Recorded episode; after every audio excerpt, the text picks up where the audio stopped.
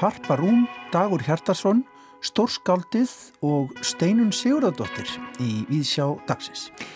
Já, glemum ekki geisladiskum Berglindar Marju Tómasdóttur. En Harpa Rún Kristjánsdóttir, hún tók á þriðju dag við bókmyndaverlunum Tómasar Guðmundssonar fyrir ljóðabókina Eddu sem að kom út þann sama dag hjá bókaforlæginu Sæmundi. Þetta er fyrsta ljóðabók hörpu sem dómnefndin segir að sé látlaust verk um dramatískustu andartök hverrar mannsæfi. Upphaf hennar og endi. Harpa býr á hólum við heklurætur á rángárvöllum. Hún verður á línunni hér rétt á eftir. Marja Kristjánsdóttir, leikúsrýnir við sjárfjallarum leikritið Stórskáldið eftir Björn Leo Brynjarsson sem frumsýnt var í borgarleikúsinu á föstudag. Og Björn Þór Vilhjámsson, einn af bókmyndagaggrinendum Víðsjár, hann allir í dag að fjalla um skáldsöguna Við erum ekki morðingjar eftir Dag Hjartarsson sem er nýkomin út. Og jú, tónlistakonan Berglind Marja Tómasdóttir heldur áfram að kanna geisladiskasafni sitt og grísja það. Hún sér nú fyrir endan á verkinu, skins mér.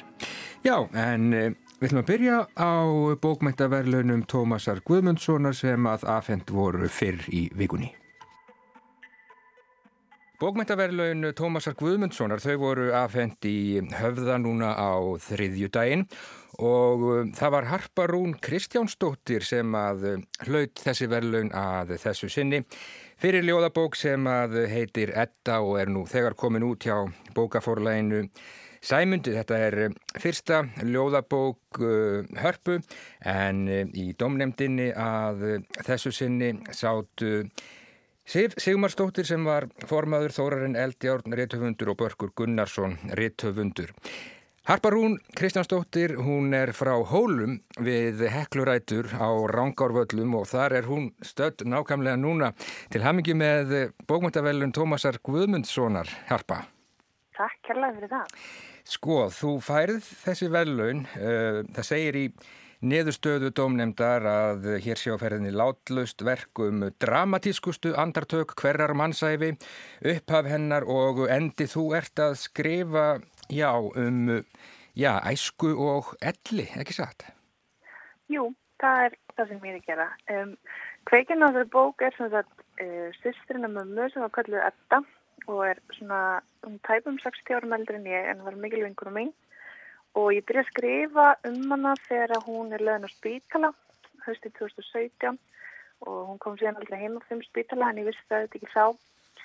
Og ég var eitthvað svona að reyna að takast á við þetta með að um, sjá gamla mannesku missa tökinn á lífinu og verða gamla leggjastinn á stopnun og það rann fljóðlega fyrir mér að ég átti hliðstæðu í dóttur hans bróðum minn sem heitir reyndar líka Edda, það viltu mm. til og hérna sem var þá á fyrsta árni og það var svo margt líkt með þeim og hvernig við sem vonum kringum þær komum fram við þess og þetta fannst mér svolítið áhugast og þannig held ég að ná svolítið að takast ávið þetta allt saman. Já, en að þú ert að skrifa um í raun og veru tvær ettur í, í þessari bók.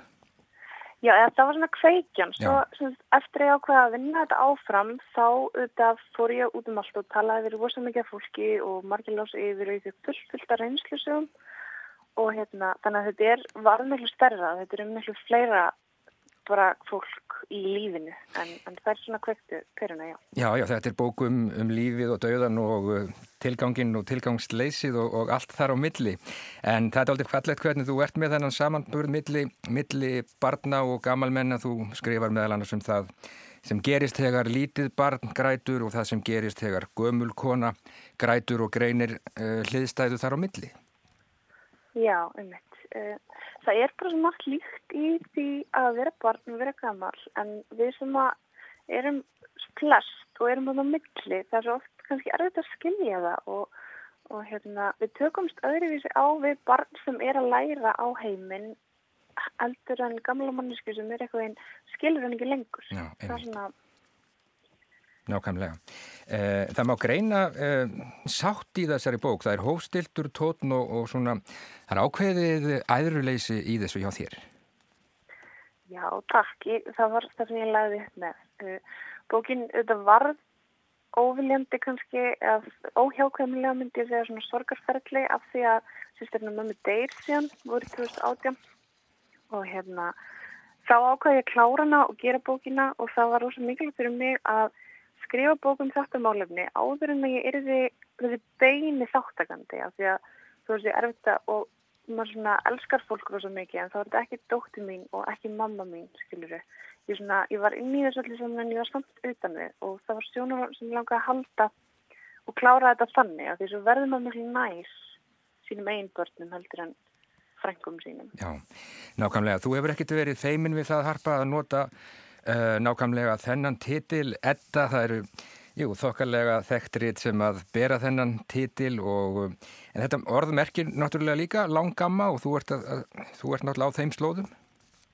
Já, það var þetta, uh, mér langaði að nota það vegna þess að það er gengdu báða þessu nafni og, og hérna, en einmitt líka eins og þú segir, það merkir líka amma og það merkir formóður og ég er svolítið að takast á við sko kynnslóðunar og líka hvernig allt gengur í syngi og ég var spyrjum daginn hvort þetta fengtist eitthvað snorratu og ég sagði neina, nei, þetta er ekkit svolítið en svo fór ég að hugsa sko Svo bók fjallar samt um hvernig heimur eigðist og rýsað nýju og það er þetta svolítið það sem ég er að reyna að tala um hvernig við tökum, næsta kynslu tekur alltaf við og þetta gengur alltaf í ringi. Hérna. Já, emmi, það er þessi ringur á sem að þú ert í raun og veru að, að skrifa um í bókinni um fyrstu skrefin og síðustu skrefin og svo framvegis og svo framvegis og svo eru þetta uh, líka svona, já, í hugunum tíma og, og eilífði í, í, í þessari bók uh, Hefur þau, maður sér nú á þessu riti harpa að uh, þú ert nú ekki alveg nýbyrjuð að yrkja þó þetta sé þín fyrsta bók.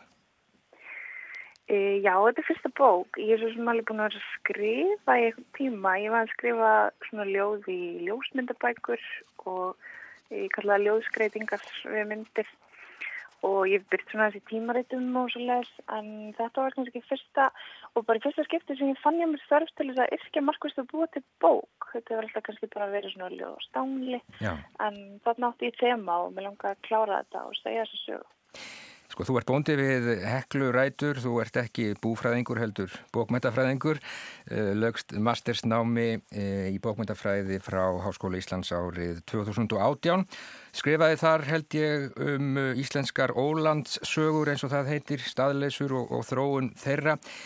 Maður sér alveg á þessari bók að, að svona, já, umhverfið hefur haft áhrif á því og, og kannski ekki síður fólkið eins og þú hefur nú þegar nefnt og það að vera innan um fólk af uh, ólíkum kynsluðum.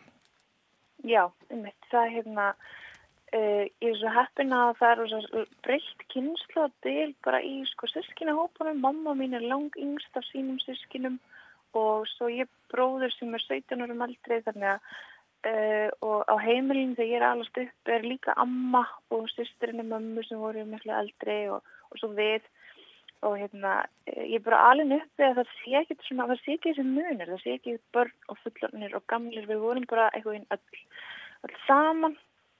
Og það var aldrei komið fram við mann eins og eitthvað krakka sko, ekki svo leiðist þó við fengjum þetta að vera börn eins og allir aðeins mm -hmm.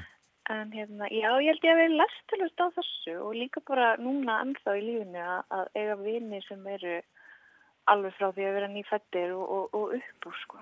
Já, allt þetta hefur haft sín áhrif á þig greinilega, en hvað með svona, já, bókmyndir almennt, áttu þér upp að hald skáld, hvað, hvað lestu? Ég er einnig bara að lesa rosalega mikið, ég er myndið að byrja núna að lesa uh, flóðið, jólabókaflóðið, ég, ég gerir það alltaf fyrir jólinn, að svona að fylgja svolítið með.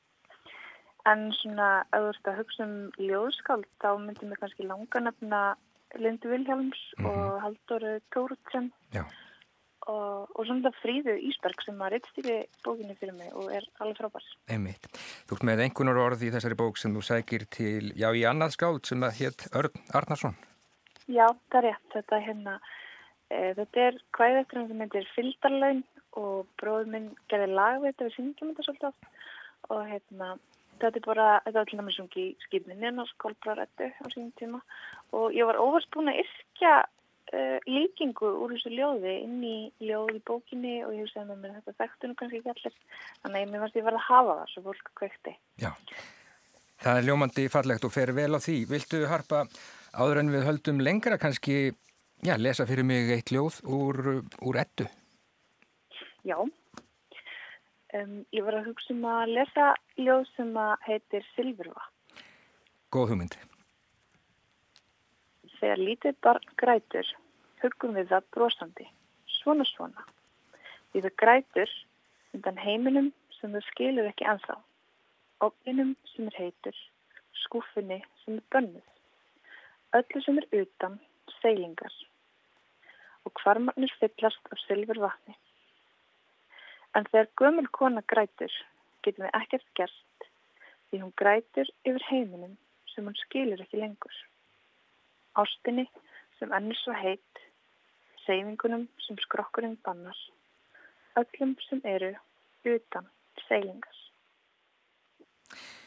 Já, þetta var eh, mjög fallegt harpa. Þú ert eh, söðfjórbóndi á Rángórvöllum. Hvernig fer það saman að vera söðfjórbóndi og, og skáld? Sko, það er alveg viðkvæmt að segja alltaf þessi söðfjórbóndi eins og ég segir stundum þú ert ekki forstjóri í fyrirtæki þú vinnir hjá því, sko. Mm -hmm. Það er mamma og pappi sem eru söðfjórbændinir. Ég er bara svona búand kerling hjá þeim. Kallar þið afdala barn? Já, og búand kerling er nýtt orð sem ég er ég fór að nota mest. Það er mjög gott orð. Já, já, ég ránum það. Hvernig er, hérna, hvernig er veðrið við heklurætur í dag? Það er held strók, sko, og, og ískallt. hérna. Og hvernig verður dagurinn? Uh, dagurinn mun fara alltaf í réttstjórn og útgáfi. Ég hérna, er búin að vera fagnað sem verðlunum og hef slugstaði við vinnum mína, en mm -hmm. nú þarf ég að taka mig til og, og hérna, undirbúa útgáfa hóp sem er á morgun. Já, það er í árbæjarsafni ekki satt. Jú, við mást það svona passandi, já, ekstra mm. millið þessara heima. Og þú náttúrulega, eftir, eftir þessa viðurkenningu, þá heldur þú náttúrulega bara ótrauð áfram að skrifa? Já, allir ég verði ekki að reyna það. Já, mér er sagt að nú sé komið pressa, þannig að ég er mjög spennt að vinna undir pressu. Já, það komið mikil pressa á þig, Harparún Kristjánsdóttir.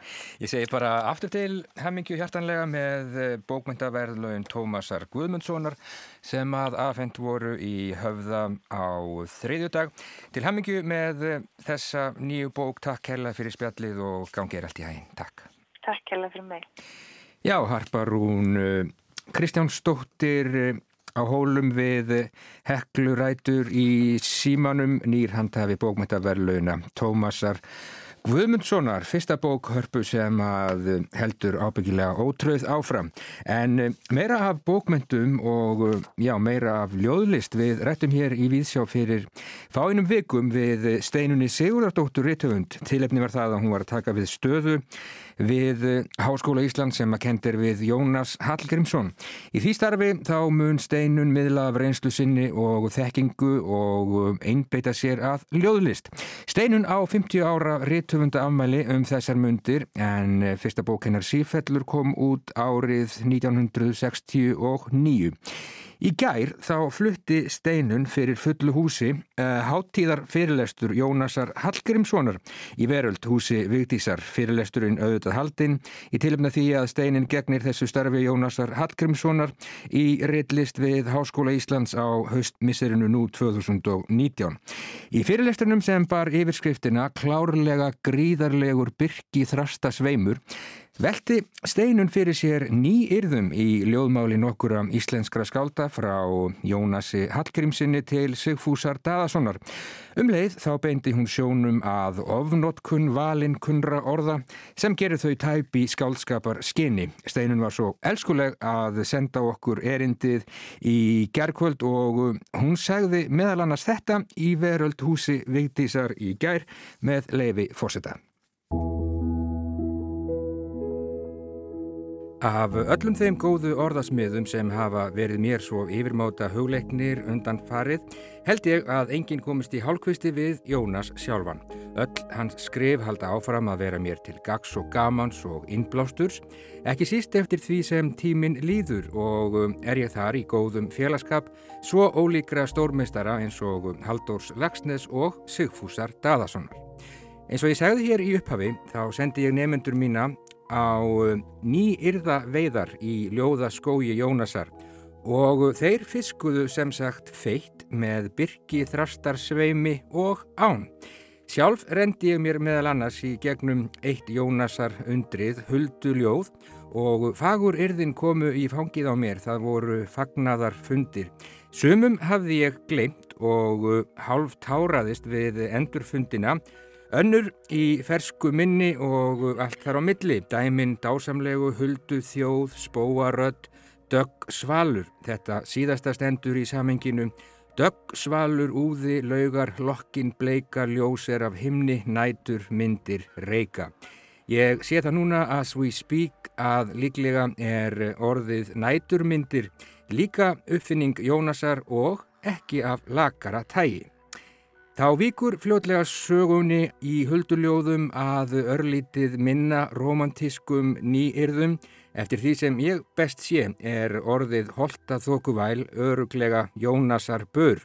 Að minnstakosti er elsta dæmið í Ritmálsafni Háskóla Íslands um holta þókuvæl Frá Jónasi komið, ekki spillir nú samhengið sem ég vona að sé vel við hæfi að hafa yfir hér, að fræða, hvurmun hyrða hér um fræði, heimskingin gjörir sig að vana þræl, gleimt eru líðnum landsins fornu kvæði, leirburðastakl og holta þóku væl.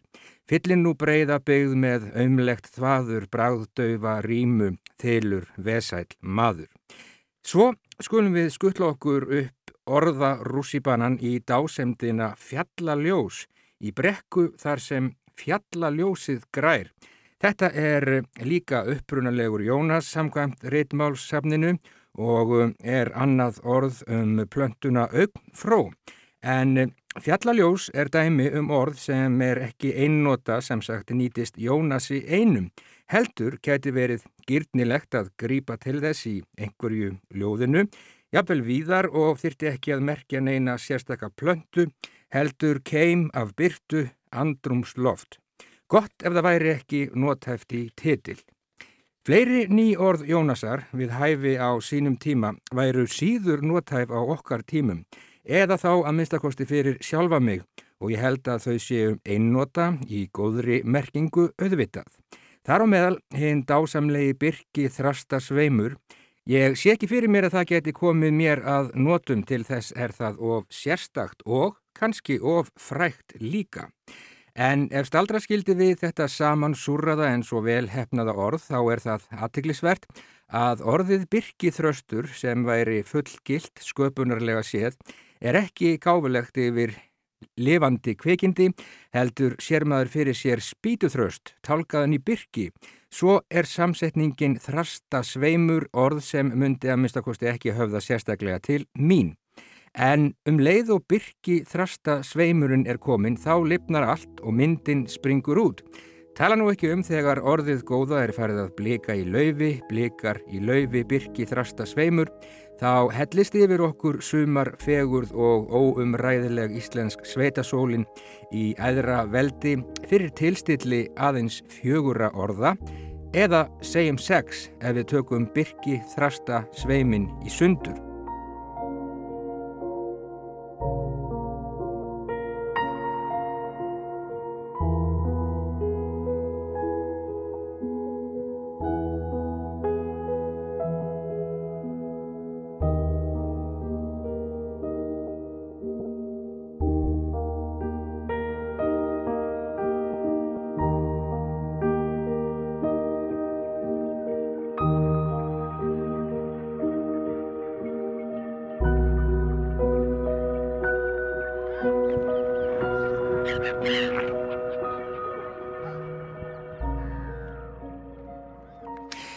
Svo mælti steinun Sigurdardóttir, reytöfundur og skáld í veröldhúsi Vigdísar.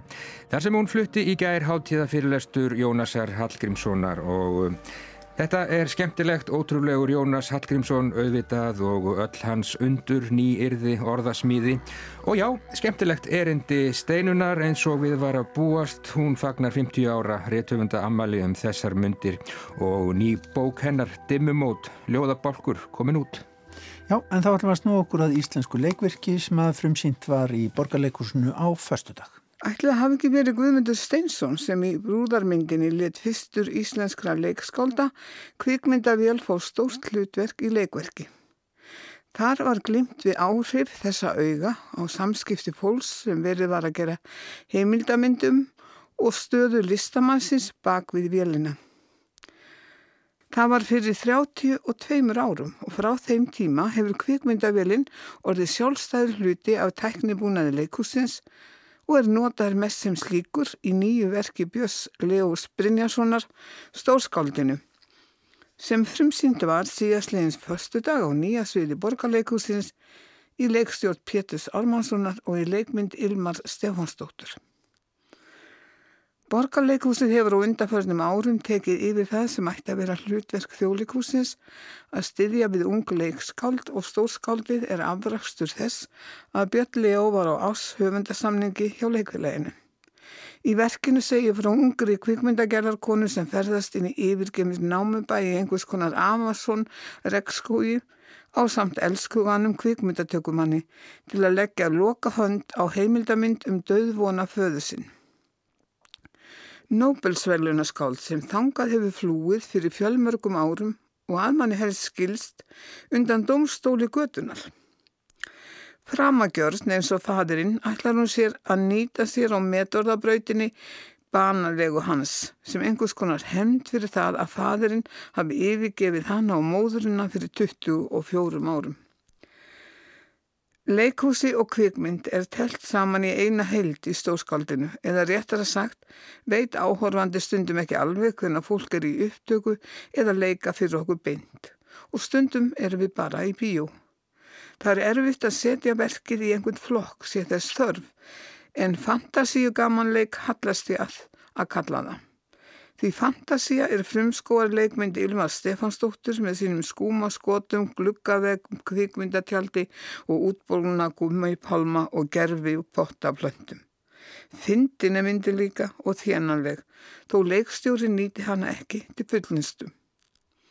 Leikstjórn Péturs Ármannssonar er einni ríka fantasíu og húmor í umgengni við leikverkið sem vissulega gefur fyrirmæli um að flakka millir kvikmyndamiðilsins og leikúsins en Pétur bætur þarum betur yngum í flassbökkum þegar feðginnin fara að rifja upp minningar sínar. Þau eru svo klísjukend og grótesk með sterkum komisku leikljóðum, æfintýra búningum Ilmar og gerfu Margreta Bendistóttur að sög þeirra verður einfallega svo að ansif allt sé að treysta þeim minningum. Það er annars ansi vald að treysta nokkrum sköpuðum hlut í þessari síningu eða festa í hólf. Hún virðist fyrst og fremst sköpuð til að koma áhörvanda á óvart, sköpuð til að skemta. Mesta skemtaninn er að horfa og hlusta á Jóhann Sigurðarsson í hlutverki skálsins. Í allri sinni starð og með sinni miklu blæbrigðaríkur rött yfirtekur hann rýmið. Jáfnvel þó Nobelskallin sé ekki beinlinis orðhagur. Hann skilar þessari mynd af síðasta geirfuglinum, Benedikt, út bólnum, út smognum, frekjukalli, listamanni með stórum staf sem sokkin er í sjálfsorkun og eind, þannig að áhorfandi bæði hlærað honum og grætur með honum. Til viðbótar við þá stærð sem Jóhann hefur sem leikari, þá er þáttur hans enn aukin með stöðugum nærmyndum á honum á kvikmyndatjaldinum.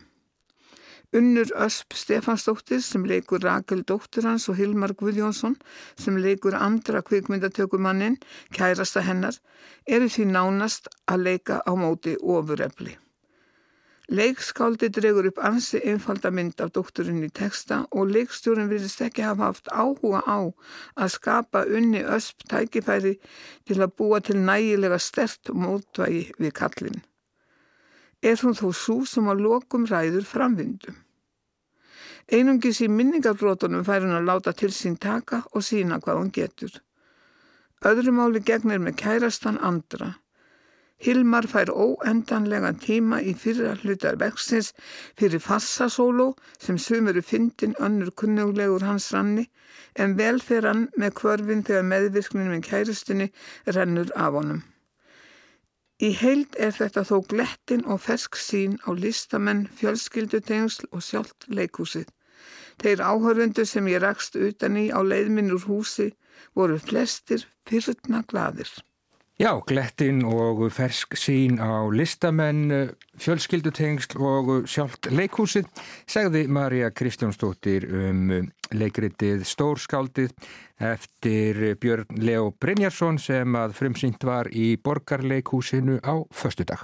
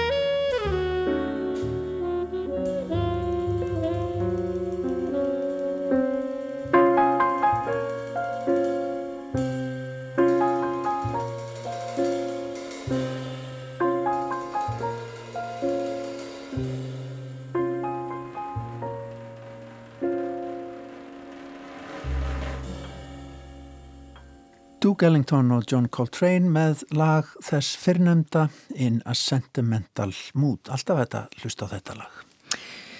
Já, það er bara alltaf ja, ljómandi fínt en uh, þá vikur sögunni aftur að bókmyndum hér í Víðsjá á fymtu degi. Björn Þór Viljámsson, bókmyndagakarinnandi, hann hefur verið að lesa sprungunýja skáldsögu sem að heitir Við erum ekki morðingjar og er eftir Dag Hjartarsson.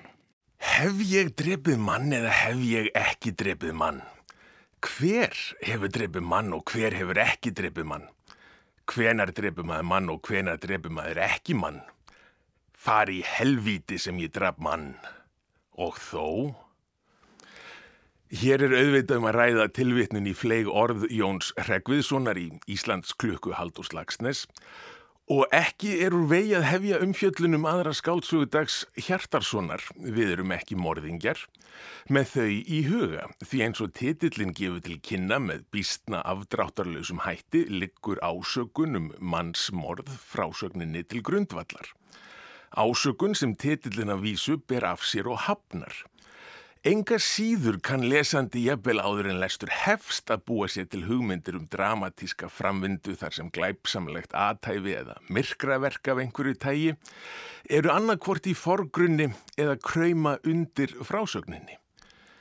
Hvað skriðþunga hinnar dramatísku frásagnar aðferðar varðar veldur skáltsaga dags heldur ekki vonbriðum þar sem sagan sem í hönd fer er vissulega viðburðarík. Að um personufornafni flertölu sé að ræða í titlinum vekur líka upp spurningar. Rökkur bókmentir þrýfast á samspili persona og tókstreitu og við erum ekki morðingjar snýst öll um samskipti og tókstreitu. Og jafnvel þótt hér sé ekki hefbundin glæpa frásögn á ferðinni, er hún í öllu falli rökkursaga í þeim skilningi að henni vindur fram í náttmyrkri og líka raunar hvað það varðar að sektarkend er miðlegt viðfangsefni. Personutnar sem flertalan í titlinum vísar til leitast við að sannfæra sig um að þær séu ekki morðingjar sem auðvita er hugsanlegt að lesa í dálítið yfirferðum skilningi, mannorðsmorð kemur til að mynda við sögum. Ekki er samt hægt að útiloka að enn í skikkilegri atvik búi í fortíð sögunar. Byggingu skáldsögunar má lýsa sem dagleðinni löngun í nótt, henni vindur fram á tæpum sólarring frá síð eftir miðdegi og undir morgun næsta dags og að megninu til er um samtala ræðamilli tveggja einstaklinga sem þekkjast lítið sem ekkert. Afl vaki hins langa samtals er hálgerð tilviljun þar sem hinn ónemdi sögumæður verksins, kona á þrítugsaldri, kemur heim til sín í húsið þar sem hún leigir herbergi og gengur þar inn á annan leianda, Tómas, í miklu og augljósu uppnámi. Í ljós kemur að hann er nýbúin að fá fregnir af því að fadir hans sé fárveikur, raunar döðvona á spítala í Noregi og hann býður þess einfallega að komast út á flugvöll um morgunin til að geta verið við hlið hans.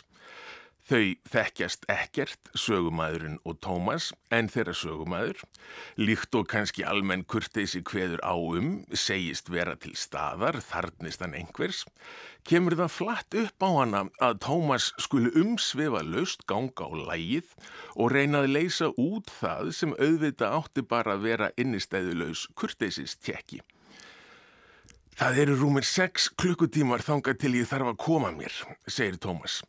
Ég veit að ég get ekki sopnað og ég veit að ef ég vaki og hugsa um inniblinn í pappa mínum þá missi ég vitið. Ég get ekki verið einn. Ok, segir sögumæður.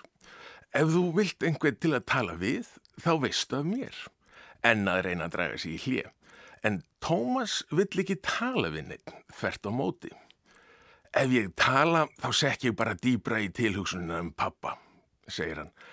Að þessu búnu stýgur lýsandi rödd sögumanns inn í frásögnina. Tómas horfiði byggjandi á mig, augun urðu reysastór í tóftunum. Getur þú ekki talað? Það sem Tómas fer fram á með öðrum orðum er að sögumæður, ung kona sem hann þekkir ekki, hafi ofan fyrir honum með einhvers konar afþreyingar monológ í sex klukkustundir á meðan hann býður eftir flugvallarútunni. Þessari stórfurðulegu bón væri auðvita auð hafnað, raunar er hún upp á þrengjandi og tilætlunarsum á næri því glæpsamlegan hátt, en sögumæður hefur sínar ástæður fyrir því að samþykja. Á henni kvíla mikil þingsli sem lesendur hafa fengið smjörþefin af á fyrstu síðum bókarinnar. Hún er döpur, þorir vart út úr húsi og þegar hún fyrir út verður hún fyrir aðkasti þar sem hún verðist líka að vera fræg. Ástæðan er bók sem hún gaf út fyrir nákvæmlega ári síðan, bók sem eigðilagði líf hennar. Í bóði Tómasar sér hún ekki stórkostlega gýruga ásókn inn í eigið líf, heldur tækifæri til að segja sögu sína manni sem ekki þekkir hana nú þegar hefur ekki lesið bókin hennar og þekkir ekki viðtökusöguna. Einn farra virðist vera, en kemur þar Noregs tenging Tómasar inn. Þarna var að finna einu manneskuna sem hafði réttar forsendur til að skilja af hverju ég gerði það sem ég gerði, hugsa sögumæður, og ákveður að slá til. Einar skilirðið sem sögumæður setur er að Tómas, að sögunni lokinni, dæmi sig, segir sér hvort hún sé góð eða slæm manneskja. Samtalið sem í hönd fer er því á milli dómara og sagbortnings. Ekki verður dagur sagaður um metnaðeleysi í skáltsugunni. Gerðir allagað fjölmörgum forvitnilegum viðfangsefnum og sumum hverjum bísna flóknum. Meðal annars veltir bókin vöngum um áhrif þessa fjallum eigið líf og líf annara í skálskap og vannkvæðin sem því geta fyllt í litlu landi eins og Íslandi þar sem bæði er fyrirlikjandi neyð til æfisugulegrar tólkunar og oft auðvelt að finna hliðstæður við personur í skáltsögum. Baksaga sögumanns tekur á erfiðleikum og flækjum hins aðþrengda kvenlega kyngerfis í menningu og samfélagi feðraveldisins látt sjálfsmatt, óraunhafar kröfur og bjöguð kynverund eru þar á meðal og væri þannig kannski hægt að segja að þetta sé skáltsaga um kynferði, kvennmennsku og karlmennsku. Það er svo í tengslum við því síðarnemda sem skáltsagan tekur sín djörfustu spór. Sögumæður á að baki eitt raunverulegt og alvöru þrungið ástarsamband. Við hinn landsþekta rítöfund Benedikt, eins konar en fann terríbul íslenskra samtíma bókmenta. Ímynd benna út á við er af kald hömruðum og fjarlægum töffara sem er yfir alla hafinn og hræðist ekkert. Um hann ganga sögur, aðeins í ofbeldismæður, í tengslum við undirheimana og við hann loðir orðrómur um eiturlif. En svo kynnumst við honum og þetta er ferlega næ skæi, tilfinningarlega opinn og með ríka ábyrðakent. Hann kaupir húsgögnin sín, sín í IKEA, hann grætur á þess að skammast sín og er blíður elskuji. Hann er svona dálítið sænski velferðarkarlmaðurinn, vitsmunalegur og listrætna drauma bátur. Bókin sem sögumæður skrifaði fjallaði að hluta um hann og eitt af því sem hún gerði var að grafa undan hörðu karlmennsku ímyndinni sem Benny teldi fram í fjölmiðlum. En mikilvægust er svo staði reynda að þótt sögumæður hafi vissulega skrifað um hann á opinskáan hátt þá gerði hún það líka á sambærilegan hátt og karlar hafa alltaf skrifað um konur. Öll tillitsimi víkur fyrir svo kallaðri sannleikskröfulistarinnar Þannig skrifaði hún karlmannlega og hér tekið fram að orðið karlmannlega er innan gæsalappa. Við erum að tala um menningarlega mótu tengsl við karlmennskuna auðvita. Skriftir sögumanns voru óheflað en innblásið flæði og hún leiti ekki hugan af því sem öðrum myndi finnast, hugsaði ekki um afleiðingarnar. Allt eru þetta hlutir sem karlhöfundar hafa átt skilirðislaust tilkall til. En afleðingarnar sínaði ekki sama hver heldur um Mac-laptopin, Karl eða kona. Eins og ég segi, hér er um forvitnilegt efnaræða og ímislegt er ágætlega gert og bókin er læsileg. Ef frá er skilið styrt upphaf þar sem höfundur virðist ætla með handabli en litlu list fengi að þvinga tekstan inn í ólíkindalega frásagnar framvinduna. Það eru, má segja, ákveðni gallar einmitt á henni, framvindunni, sem meina verkinu um að komast nokkuð tíma á það flug sem manni finnst viðfangsefnið verðskulda. Langt er seilst í tilviljunum og innri raukvísi bókarinnar gengur ekki upp.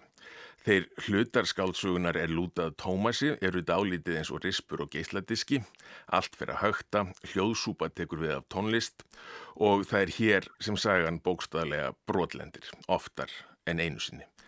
En aðalpersonurnar, sögumæður og benni, vekja hins vegar upp áhugaverðar spurningar um mörg hinnar mjúku karlmennsku samtíma okkar og þólinnmæði gagvart því að konur stýi fram óheflaðar, jafnvel ölvaðar af eigin orð snild og tjái sig án þess að leita samþykkis stimpils feðraveldisins. Saði Björn Þór Viljánsson um skáldsuguna Við erum ekki morðingjar eftir Dag Hjartarsson. Björn Þór verður einn af bókarínum okkar hér í Víðsjá fram að jólum að minnstakosti. Hann myndist í þessari ríni á geysladiska og við ætlum að huga næsta þeim ekki settir ykkur. Jú, nánar tiltekið geysladiskonum hennar Berglindar Maríu Tómasdóttur. Nú er ég smám saman að komast í gegnum þetta en er samt á eftir áallin. Ég er ekki komin í gegnum allt safnið en hef þó komist að ímsum niðurstöðum. Hér eru tvær þeirra. Niðurstaða A. Mér finnst erfitt að henda gísladiskum. Ég held að fyrst og fremst síu það minningarnar sem eru samopnar þeim. Á vissan hátt er hægt að rekja æfisuguna í gísladiskasafninu. Þetta tímabil og hitt og svo framvegis. Þannig geimi ég til dæmis gísladiskin The Immaculate Madonna Saptiskur sem var mikið spýraður því bjó í köpun í kringum aldamótin. Annars teki eftir því að saptiskar eldast yfirlt ekki vel og playlistar hafa alveg tekið við stöðu þeirra og vel það. Niðurstaða B. Ég þarf að verða mér út um geisladiska spilara. Já, mikið rétt, ég á engan geisladiska spilara. Fyrir utan það sem er í mínum 12 ára gamla bíl, sem aftur getur vissulega aukið gæði bílferðana Bílinn er staðurinn þar sem hlustað er á geisladiska. Eftir stutta aðtugun á netinu sé ég að í einni stærstu ráftækjaverslun landsins, hvers nafn byrjar á E, er ekki hægt að kaupa geisladiska spilara. Að minnstakost ekki af þeirri gerð sem ég þarf. Ekki hljómtæki heldur einfaldan spilara. Nánari aðtugun leiðir í ljós að ég ætla að fjárfesta í svo kalliðu ferðatæki sem inniheldur allt í sann geisladiskaspilara, kassettuspilara og FM og langbylgu fyrir útvarpslustun. Ég sé að það er greinilega ákveðin markaður fyrir svona tæki sem gerðnan eru í gamaldags stíl. Tæki sem eru markaðsett með sterka tilvísun í fortíðina en á sama tíma er þeim ætlað að höfða til yngri kynsluða. Þetta greini ég á markaðsetningunni. Í geisladiska gramsi mínu hef ég meðal annara dýrgripa fundið ógrinni geisladiska ætlaða börnum og nú legg ég saman tvo og tvo og kemsta þeirri nýðustöðum að ferðatækið með innbyggða geisla og kassetuspillaranum auk útvarps á FM og langbylgu er leið til að kenna börnunum mínum, stelpunum mínum inn á þetta hlustunaform að setja diskitæki og njóta.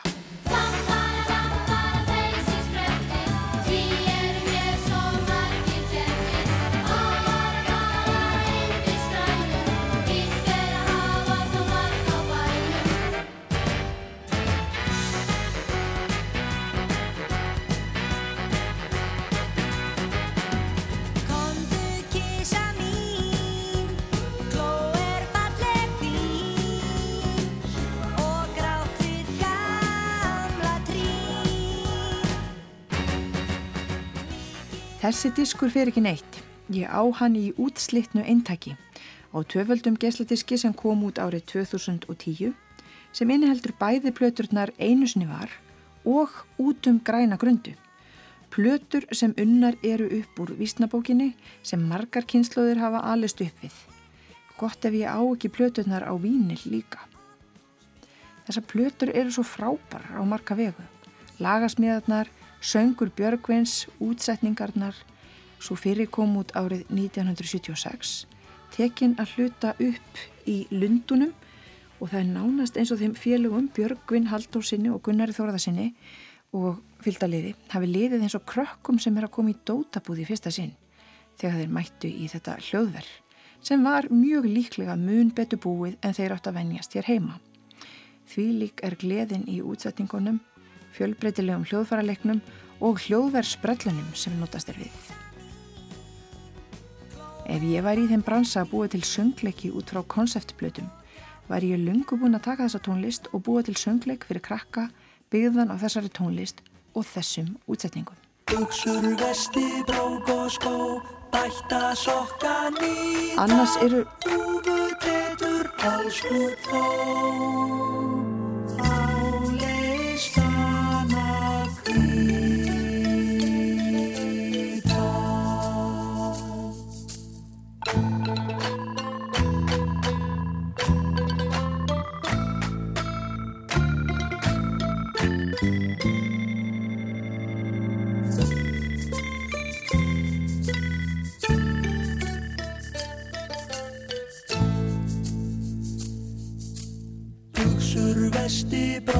skó, bætta sokka nýta, húfu tetur hálsklút þó.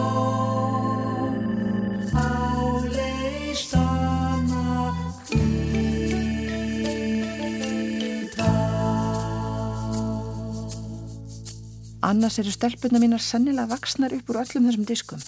En hver veit nefn einhver börn framtíðarinnar geti notið þeirra síðar. Finni kassa inn í geimslu, vandlega flokkað geisladiskasafn og þar og meðal kassi sem inniheldur barna og jóladiska. Hins vegar geti ferðatækið yngar síður komið stertinn í það minsta til að tengja dæturnar við fortíðina, að setja diskitæki, skoða bæklingin og hlusta. En ég er þó sannilega aðalega að fara að kaupa tækið fyrir sjálfa mig.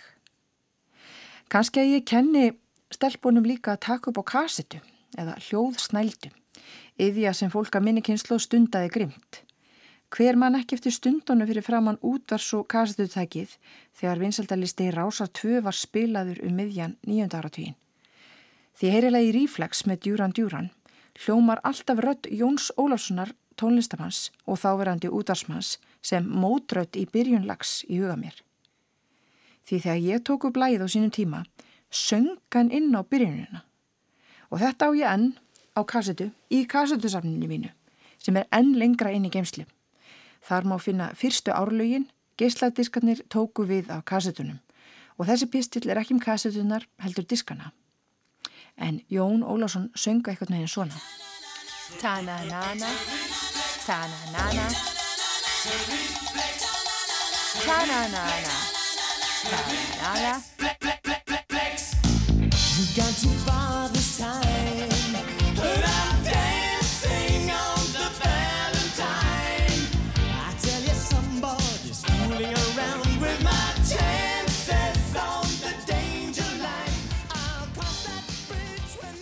I find. Þessum diskallegi henda.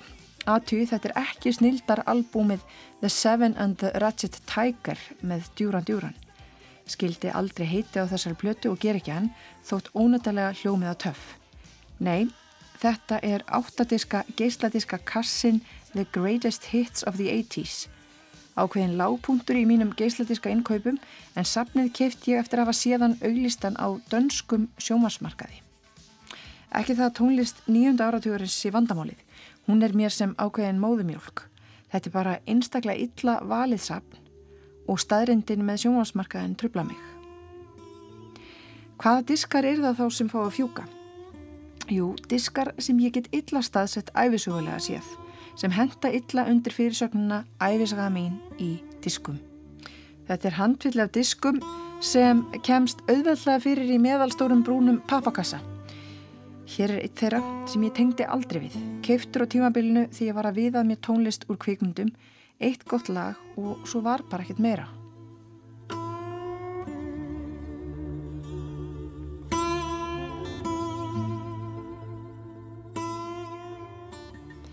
Ég ætlaði að segja ykkur frá hvað ég fann því ég googlaði hvað á að gera við gamla gessildiska eða how to use old CDs.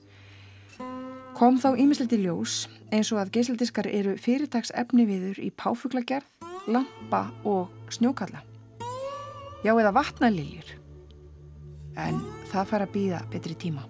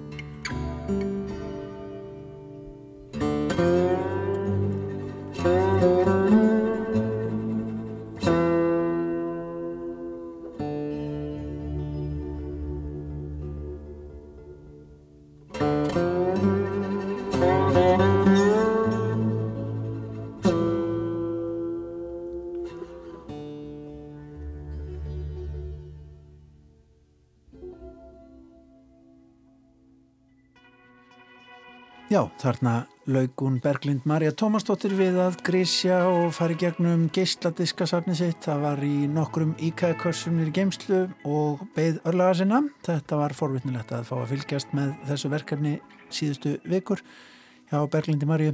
Þetta liggur fyrir hjá mörgum að fara gegnum þessa luti. Já, þú átt nú marga geislatiska guðinni. Hefur þú, hefur þú einhver tíman grísjað? Ég er alltaf að grísja. Já, alltaf að bæta við og alltaf að grísja. Halda þessi balans? Já. Já, en herru þetta er búið í dag.